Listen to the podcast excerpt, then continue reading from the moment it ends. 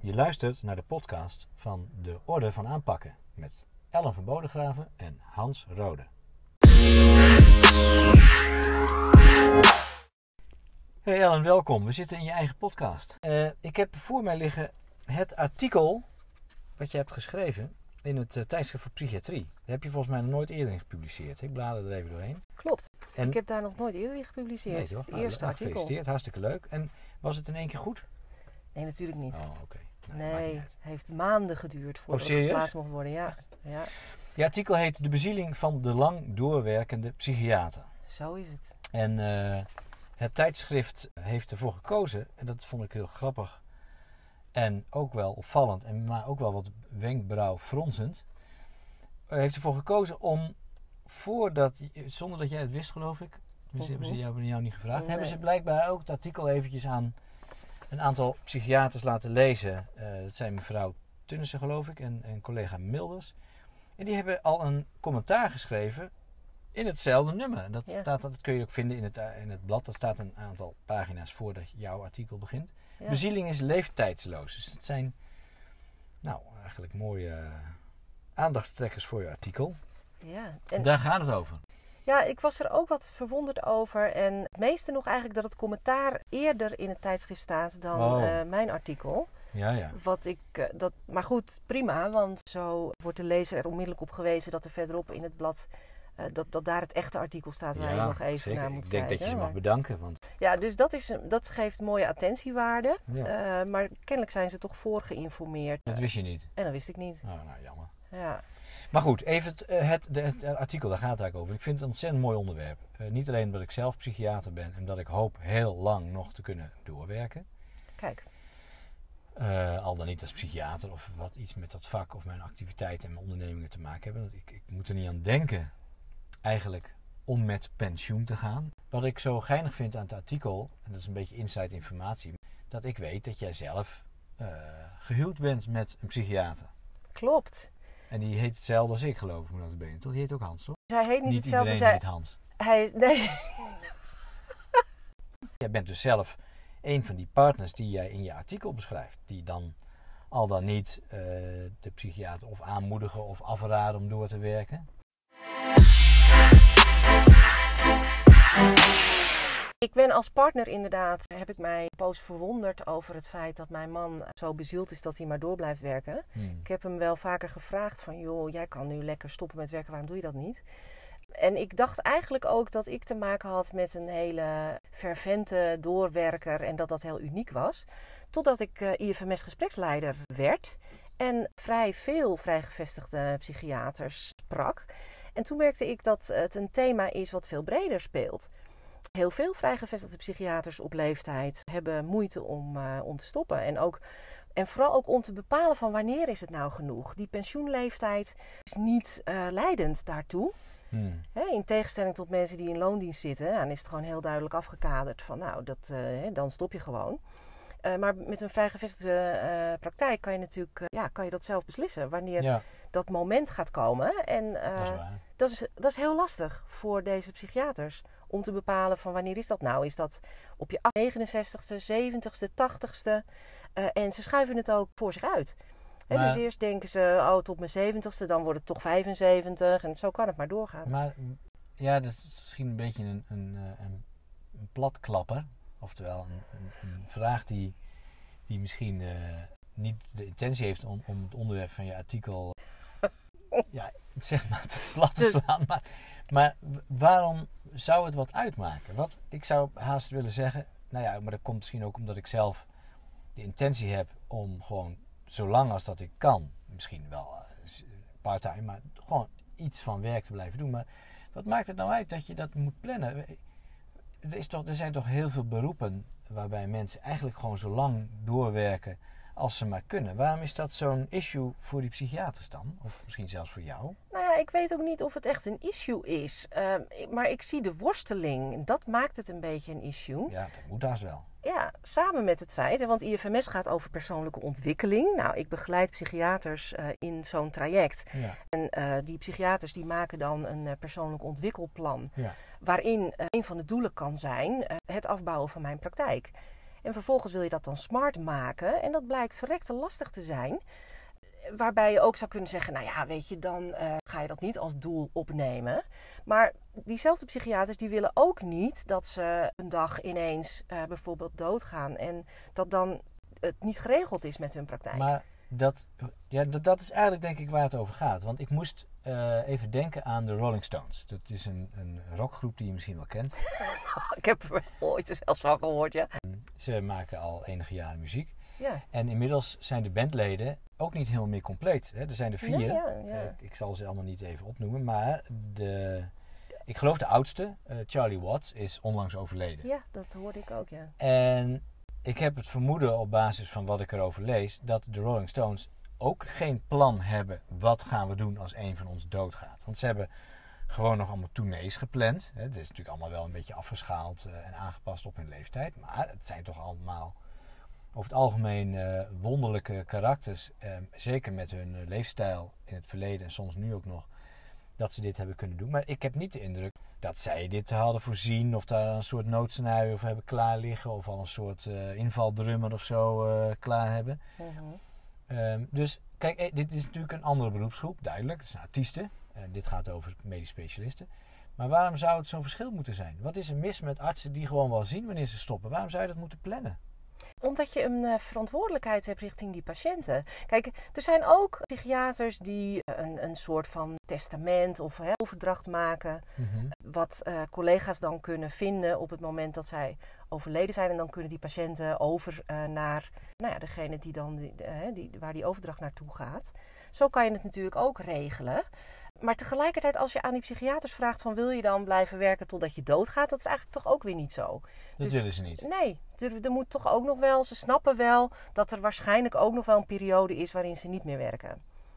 Maar ja, omdat je dus niet weet wanneer je zal overlijden, wordt het ook best wel lastig om te plannen van ja, hoe, hoe lang is dan die periode dat ik nog toch rust wil hebben of andere dingen wil doen, van mijn oude dag uh, wil genieten.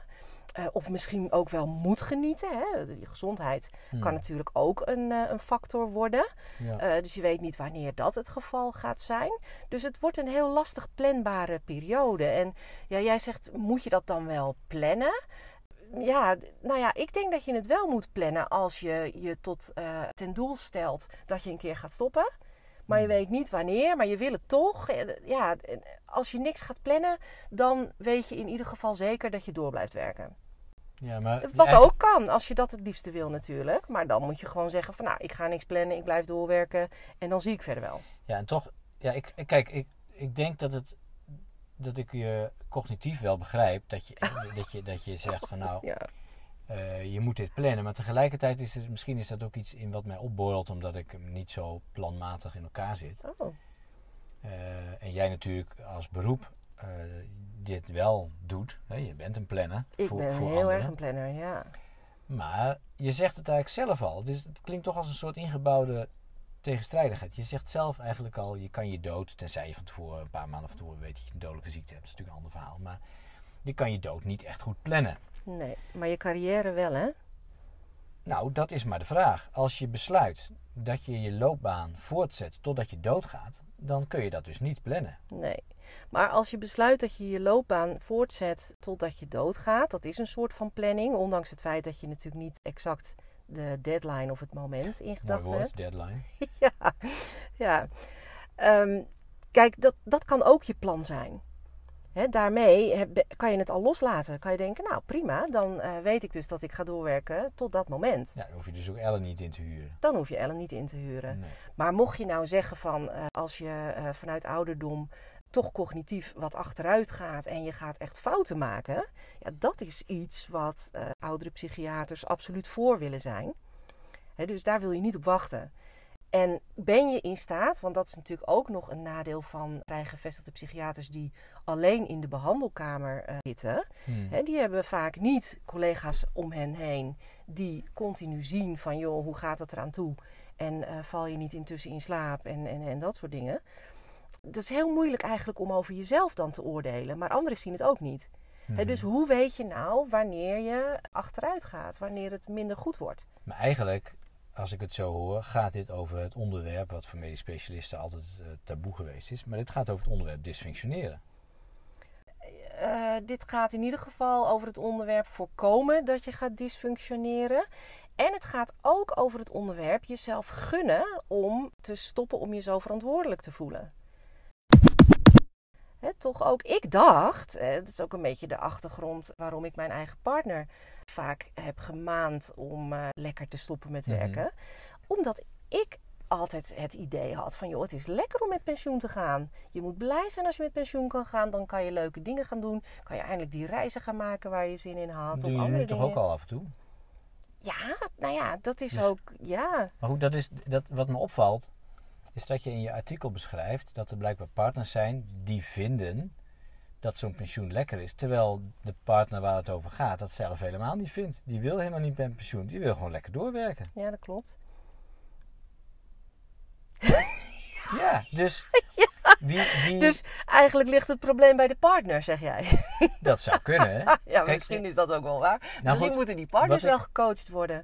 enerzijds zeg jij van nou, als je tot, tot na je pensioenleeftijd wil doorwerken, zorg dan dat je afweegt of je zo'n pensioen wil plannen. En als je dat wilt plannen, nou, doe het dan ook met iemand anders. Hè? Dat is een beetje de strekking van het artikel volgens mij. Ja, tenzij je het zelf kan, hè. Maar eh, het is niet voor niets dat sommige mensen daarmee worstelen. Juist. Nou, die mensen die worstelen, die Ja. kunnen daar eh, ondersteuning bij, eh, bij Dus, ontvangen. dus voor de worstelaars, die zou ondersteuning, een ondersteuning of coaching of, of hulp daarbij kunnen inzetten. Ja, Ik moet ook bekennen dat ik me afvraag of het wel zo logisch is om aan te nemen dat als je voorbij je pensioenleeftijd bent, dat je dan, dat je dan een hele hoge kans hebt op dysfunctioneren. Of dat er nou cognitief of lichamelijk iets is, dat weet ik niet. Kijk, je hebt natuurlijk wel grotere kans op een aandoening, maar dat wil helemaal niet zeggen dat je daardoor je vak niet meer kan uitoefenen. Dus ik vond dat wel een beetje wat voorbarig, dat je daar bijna van uit lijkt te gaan. Dat die kans op fouten, dat noem je ook, dat die misschien wel groter is. Nou, da- daarvan vraag ik me af of het wel zo is. ja.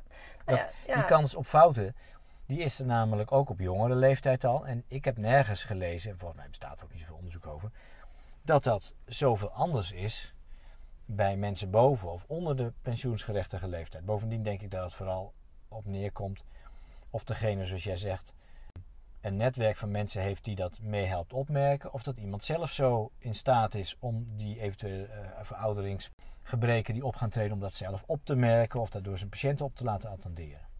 Ik denk dat als je ouder wordt, dat je toch meer moeite krijgt dat, eh, met overzicht houden, met dingen eh, onthouden, eh, wa- waar ouderen van beschuldigd worden. Maar dat, dat zet ik niet in mijn artikel en ik weet ook niet of dat terecht is. Is toch dat soms eh, krijg je blinde vlekken, hè? Of wil je je niet, ga je niet meer mee met alle innovaties. Dus ben je misschien toch een wat ouderwetsere psychiater. Dat, dat zijn dingen waar je allemaal bang voor zou kunnen zijn als je ouder wordt. Maar goed, weet je, dat betekent nog niet van, nou ja, omdat je daar dan bang voor bent, zou je geen goede psychiater meer zijn. Of zielig. Nou ja, of zielig, ja. Want daar zat ik me nog even over te verbazen. Wat voor beeld moet ik me daar. Ik ben nog nooit naar, naar een psychiater gegaan of supervisie van gehad. die zo oud was dat ik hem zielig vond. Dus wat moet ik me daar dan bij voorstellen? Hoe ziet zo iemand eruit? Heel oud en heel grijs. Zit, zit, zit, ja, nou, maar Valt in slaap ik ben ook al bijna en, grijs. dus, eh, eh, die, valt, die valt dus in slaap. Bijvoorbeeld, stel dat je in slaap valt terwijl, die, terwijl je met een patiënt zit. Maar waarom En die patiënt die denkt, ah, gos. Luister, ik ken meerdere mensen van 80 of zelfs 90. Ik heb nog nooit gemerkt dat in een gesprek, ik was daar dan niet als patiënt eh, en zij waren ook geen psychiater, maar dat ze zomaar in slaap vallen. Dus hoe, waarom zou iemand tijdens een gesprek zomaar in slaap vallen als die, als die boven de 68 is? Weet ik veel? Ja, maar, maar dat schrijf je wel toch? Nou, wat ik... Kijk, ik... Of dat ze zielig zou zijn. Waarom zijn ze dan zielig? Nee, maar ik zeg niet dat ze zielig zijn. En En ik daar zeg zijn ze bang voor dan. Daar zijn ze bang voor. Ze zijn bang dat ze op een gegeven moment zielig gevonden worden. dan? Waar zijn, heb je dat ook kunnen vragen? Waar hebben ze daar voorbeelden van gegeven? Waarom zouden ze zielig zijn dan? Nou, dat is toch een beetje het beeld van oudere mensen. Of dat ze in één keer incontinent eh, in de spreekkamer. Dat ze de hele boel onder zouden schijten of zo. Dat, dan zit je daar. Hmm, interessant. Vertel eens wat.